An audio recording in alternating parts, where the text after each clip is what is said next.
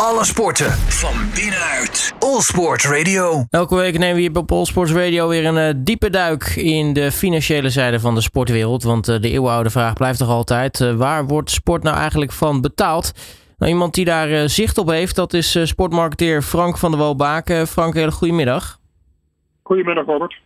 Ja, uh, laten we maar beginnen met het uh, miljoenenbal, of inmiddels uh, miljardenbal, de Champions League. Want dat is inmiddels weer begonnen. tenminste, de, de groepsfase, dus het hoofdtoernooi is officieel begonnen.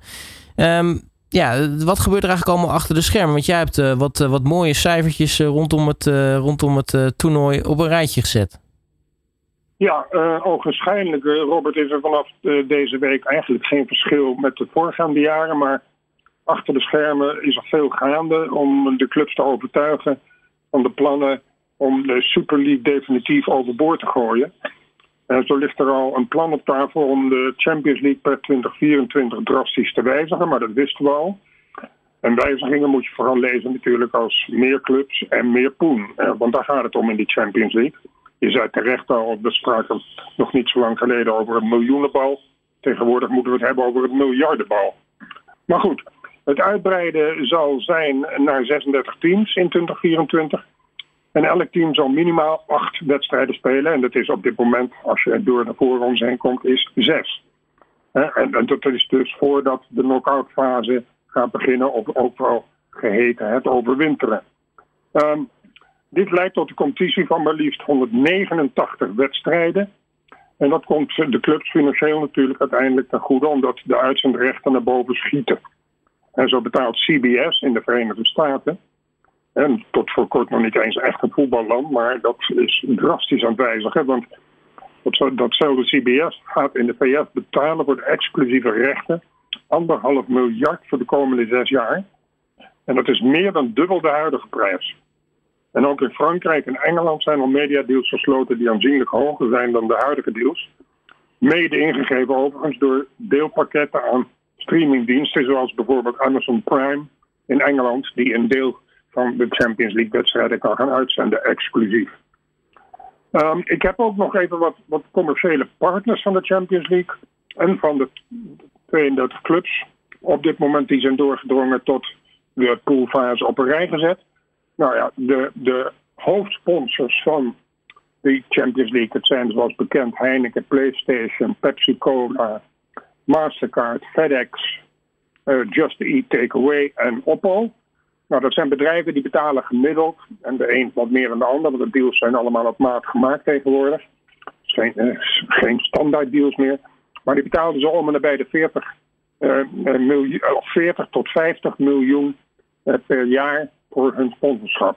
Ze hebben minimaal drie jaar contracten. En die alle contracten op dit moment lopen tot 2024, wanneer dus die compleet nieuwe opzet komt. En dan zullen ze ongetwijfeld meer moeten gaan betalen. Dan maak ik even de overstap naar de clubs. Dat is wel interessant. Ik heb eens op een rijtje gezet uh, in wat voor kleding die, die clubs nu allemaal spelen, die 32 die er nog in zijn. Nou, 11 clubs spelen in Nike-outfit. 8 clubs, waaronder Ajax, uh, speelt in Adidas. En 5 clubs in Puma. En de rest zijn diverse individuele merken die uh, niet zo interessant zijn om hierbij te zetten. En dan laat het ook zien dat, maar liefst negen clubs van de 32 een gokbedrijf hebben als hoofdsponsor op, op het shirt dus. Dat is best wel groot, want zeker gezien de, ja, toch de plannen die er zijn in veel landen op dit moment om gokbedrijven als hoofdsponsor, als shirtreclame te gaan verbieden. Dus ik ben benieuwd hoe de clubs dat gaan oplossen. Verder zijn er uh, in die 32 club drie keer een airlines die een hoofdsponsor hebben. Uh, op het shirt dus. Drie keer een automerk, drie keer verzekeraars en drie keer telecom. En de rest die hebben verschillende individuele sponsors. Overigens gaan er voorafgaand aan die nieuwe opzet van de Champions League volgend seizoen ook alweer nieuwe regels van start. Ja, het is best wel ingewikkeld zo langzamerhand de Champions League. Mm -hmm. Maar die nieuwe regels die moeten het moeilijker maken uh, um, uh, om uh, spelers aan te trekken. Dat is op dit moment zo onbeperkt. De afgelopen transferperiode hebben we gezien wat een chaos het heeft opgeleverd. Uh, ik zeg opzettelijk moeilijker in plaats van onmogelijk. Want neem van mij aan dat er weer slimme wegen zijn die naar Rome leiden. En de voetballerij met hun sponsors die zijn slim genoeg vandaag de dag om bepaalde regeltjes die door de UEFA worden gedicteerd, om die te omzeilen. Maar hoe dan ook, vanaf volgend seizoen mogen clubs maximaal 90% van hun inkomen uitgeven aan de selectie. En de selectie is dan dus de salarissen en aankopen. Uh, een jaar later wordt dat 80% en nog een jaar later, 2025, 26 dus, wordt dat 70%. Uh, en overigens, die selectiebudgetten blijven een wel erg groot verschil laten zien. Want als je kijkt naar Real Madrid, dat staat weer op kop op dit moment, met een selectiebudget van 683 miljoen euro maar liefst. Manchester City komt daar zeer kort achterop, 680 miljoen. Barcelona heeft 580 miljoen als selectiebudget, ondanks alles schulden en toestanden die daar zijn. Dus dat zal toch wel met een vraagtekentje zijn, neem ik aan, die 580 miljoen. Bayern München komt daar zeer kort op met 575 miljoen. Paris Saint-Germain met 560 miljoen. En dan kan je toch maar weer zien hoe mooi het is dat Ajax in dat legertje staat. Want Ajax heeft slechts, tussen aanhalingstekens, een selectiebudget van 185 miljoen. Maar als ik dan nog even terugkom op die slimme wegen om dit te omzeilen, want die zijn er natuurlijk altijd, zoals ik al zei. Mm een voorbeeld bijvoorbeeld van, om een slimme weg om dit alles te omzeilen. Een speler krijgt bij de club een beperkt salaris, zogenaamd. En via de portretrechten komt hij tevens op de payroll te staan, de loonlijst bij een van de sponsors. En zo omzeil je natuurlijk die salarisregelingen. En dat hij bijvoorbeeld voor de helft op de, op de loonlijst staat bij een van de sponsors of bij de hoofdsponsor van de club als we dan toch eh, heel veel eh, dingen op een rijtje aan het zetten hebben wat eh, met geld en voetbal te maken hebben. Um, jij hebt dus even dichter gekeken naar de, de top 5 best betaalde voetballers ter wereld. Ja, um, en dat zal niemand echt verbazen, de, de namen die ik nu ga noemen. Maar misschien is het wel interessant om te weten ook wat voor bedragen we het eigenlijk over hebben. Nummer 1 is geworden, en dat is redelijk sinds kort, want uh, normaal gesproken stond altijd Cristiano Ronaldo bovenaan, maar dit is nu Kylian Mbappé. Waarom? Omdat hij in de verlenging van zijn contract bij Paris Saint-Germain heeft een tekengeld ontvangen van 250 miljoen. En dat heeft hem in één keer naar de nummer 1 positie gebracht. Want naast die 250 miljoen tekengeld krijgt hij een salaris van 65 miljoen. Dat is nog eventjes exclusief bonussen. 65 miljoen per jaar. Het is dus ruim 1 miljoen per week. En dan heeft hij nog uit sponsoring natuurlijk. Heeft hij ook nog eens individuele inkomsten. En die komen bij hem overigens lager dan bij vele van de anderen op 20 miljoen. Dus daar moet hij nog aan werken, tenzij hij dat niet wil. Maar zijn persoonlijke sponsoring is, uh, behoort tot de laagste van de top 5. Nou, op 2 staat nog steeds dan weer Cristiano Ronaldo. Die verdient bij Manchester United 60 miljoen. Dat is ook dus ruim een miljoen per week.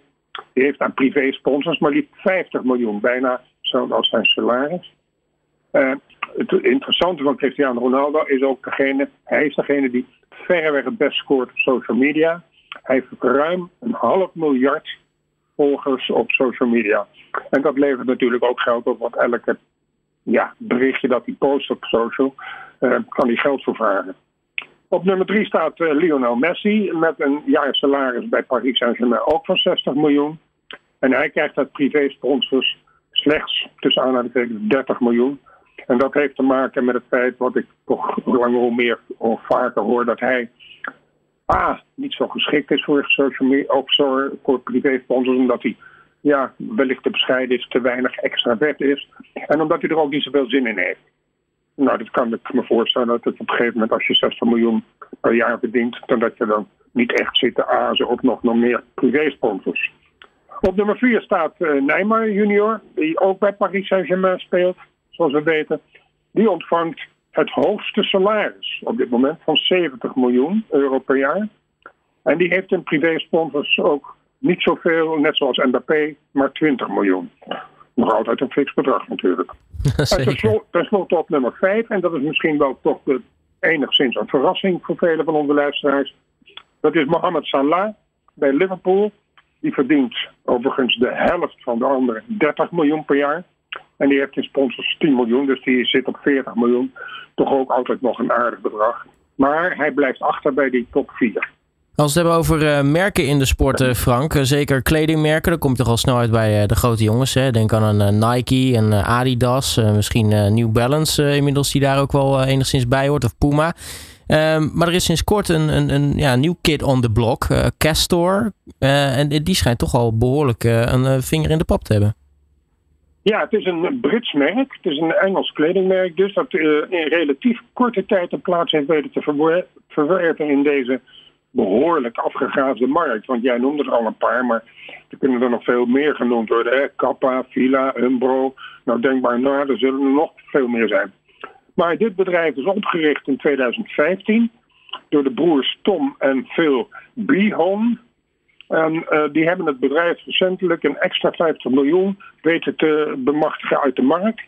Uh, hetgeen het bedrijf nu een waarde geeft van 860 miljoen euro. Uh, en dat wordt gedekt door de niet minste banken. En dat zegt altijd wel wat voor de reputatie van het bedrijf als een bank als HSBC, Hong Kong Shanghai Banking Corporation, de grootste bank van de wereld. Maar ook BNP Paribas en Silicon Valley Bank. Dat zijn de drie banken die dit Capstore-merk nu uh, dekken. Uh, en dat merk heeft ook al behoorlijk aan de weg getimmerd, want ze zijn al de leverancier, of de sponsor noem het maar zo, van clubs als Newcastle United. Nou, dat, is, dat heeft natuurlijk een enorme injectie gekregen door de 350 miljoen die ze hebben ontvangen van de Saudi-Arabische regering voor het eigendomsrecht van de club. Maar ze kleden ook Aston Villa, Wolverhampton Wanderers en het McLaren Formule 1-team. Dus ze zijn niet alleen op voetbal gericht, maar maken ook uitstapjes naar andere sporten. Uh, ze zijn ook al op het Europese vasteland actief, want ze zijn in de Spaanse Liga al actief, in de Bundesliga en ook in de Schotse Premier League. Um, groot aandeelhouder, dat is wel leuk om te weten, is Andy Murray, die ook in die, dat kledingmerk speelt. Dat hebben we recentelijk weer kunnen zien in de US Open, waarin hij deelnam. Het merk zelf heeft in het Verenigd Koninkrijk 11 winkels. Maar het grootste deel van de 230 miljoen omzet die ze maken, komt vanuit de online markt. En dat is misschien wel de reden waarom ze zo snel gegroeid zijn om te kunnen wedijveren met de grote merken. Over uh, grote merken gesproken. Apple uh, hoort daar wereldwijd toch ook uh, zeker bij. niet een merk wat je eigenlijk verwacht in de, in de sport terug te vinden. Want nou ja, jarenlang hebben ze er eigenlijk weinig mee gedaan. Maar Apple TV heeft natuurlijk de, de aanval geopend. Willen ook meer met sport gaan doen. Sterker nog, ze zijn op dit moment op zoek naar zo'n 60 sportgerelateerde mensen.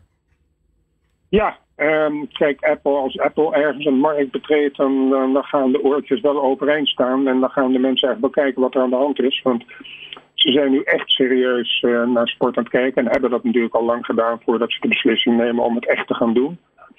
Het wordt inderdaad, wat je zegt, al bevestigd, omdat de gigant meer dan 60 vacatures heeft uitstaan. Uh, voor sportgerelateerde topfuncties. Uh, maar intussen mengt Apple TV zich in toenemende mate ook al in de strijd om de rechten.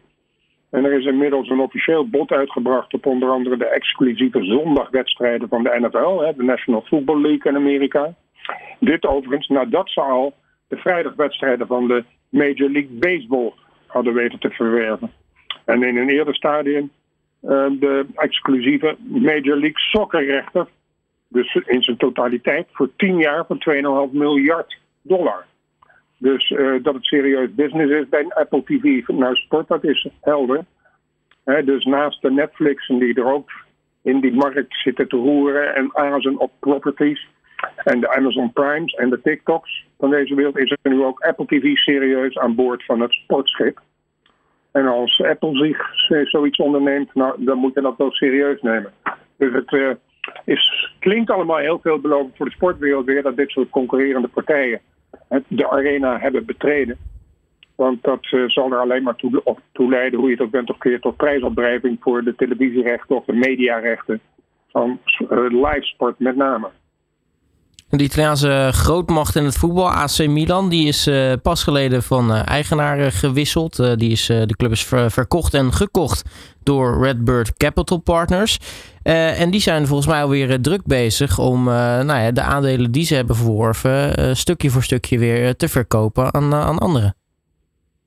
Ja, het is zo langzamerhand terugkerend, Robert. We hebben het wekelijks hebben we het over investeringen. Meestal een investeringsfonds in Europese voetbalclubs. Uh, dat Redbird Capital inderdaad, geen kleine jongen, die kocht uh, AC Milan. Um, maar datzelfde fonds heeft inmiddels delen van die aandelen alweer doorverkocht aan onder andere de New York Yankees vanuit de Major League Baseball, die een aandeel hebben gekocht. En in datzelfde Major League uh, Baseball team, New York Yankees, heeft LeBron James weer aandelen. Dus indirect zou je kunnen zeggen dat LeBron James nu ook aandelen heeft in AC Milan. Uh, daarnaast blijkt ook een ander fonds, Main Street Advisors, mede-eigenaar te zijn geworden van dezelfde club AC Milan. Dus ook weer via Redbird Capital. Uh, overigens werd dat officiële, die officiële deal van Redbird Capital met AC Milan, die vond pas plaats veel later dan men had verwacht. Dat was pas dit voorjaar. En er werd door Redbird Capital bepaald 1,2 miljard dollar voor AC Milan. Dat, AC Milan, dat bedrag is pas nu net openbaar geworden. Nou, dan toch een korte vraag. Wat moeten de, de New York Yankees, een, een, een Amerikaanse honkbalclub, uh, overigens natuurlijk niet zomaar een honkbalclub, maar toch, uh, ja, met aandelen, dus mede-eigenaarschap in een Europese voetbalclub? Ja, dat is een hele goede vraag. Aan de andere kant, ja, de, de, de, mensen die actief zijn in de sport en in investeren in de sport, die zien de mogelijkheden. Die zijn af en toe ongetwijfeld blij verrast door de verdiensten die ze kunnen maken. En er wordt dus ook gewezen op de mogelijkheden om buiten Amerika te gaan investeren. En dan is de grootste sport toch al gauw voetbal. terwijl dat in Amerika is dat American football en baseball. Dus uh, het zijn ja, die investeringsfondsen die zien, hebben gewoon sport ontdekt. En die zien dat er in uh, Europa nog erg veel te scoren is in het voetbal.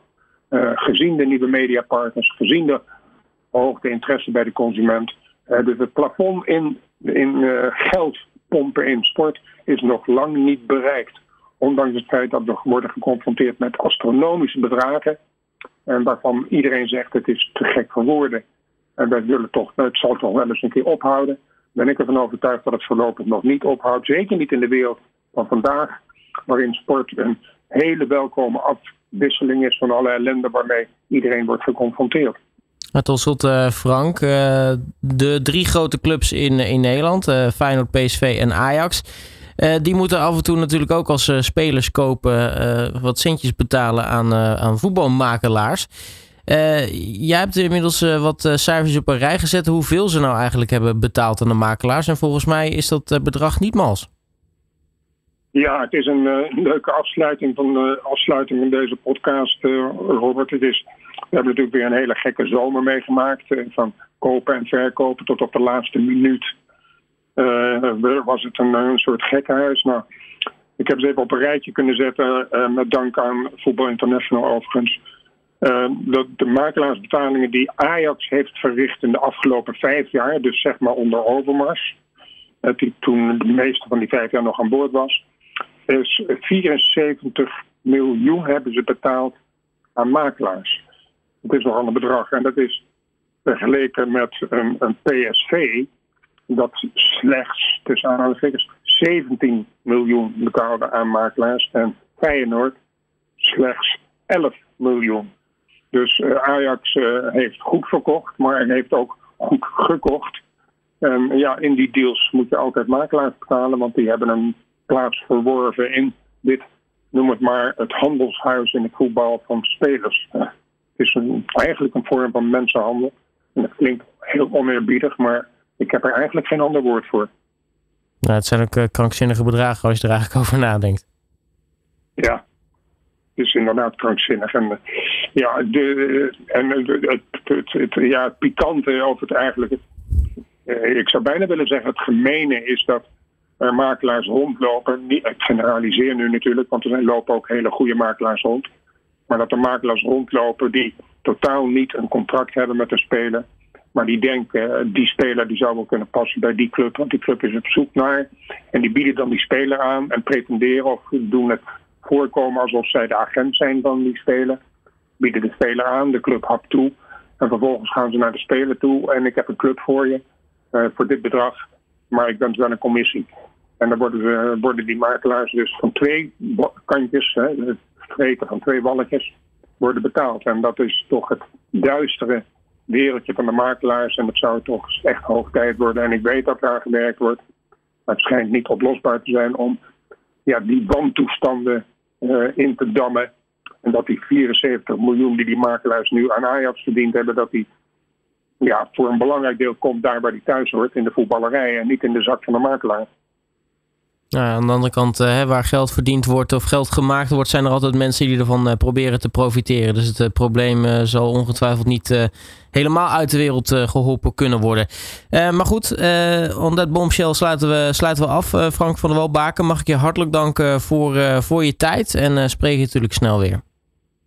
Ja, volgend jaar, volgende week moet ik zeggen. volgend jaar. Volgende week hebben we een, een live gast bij de BV Sport. En ik heb Marcella Meske, voormalig toptennister en nu verslaggever, uh, weten te strikken om onze gast te zijn in de BV Sport Robert.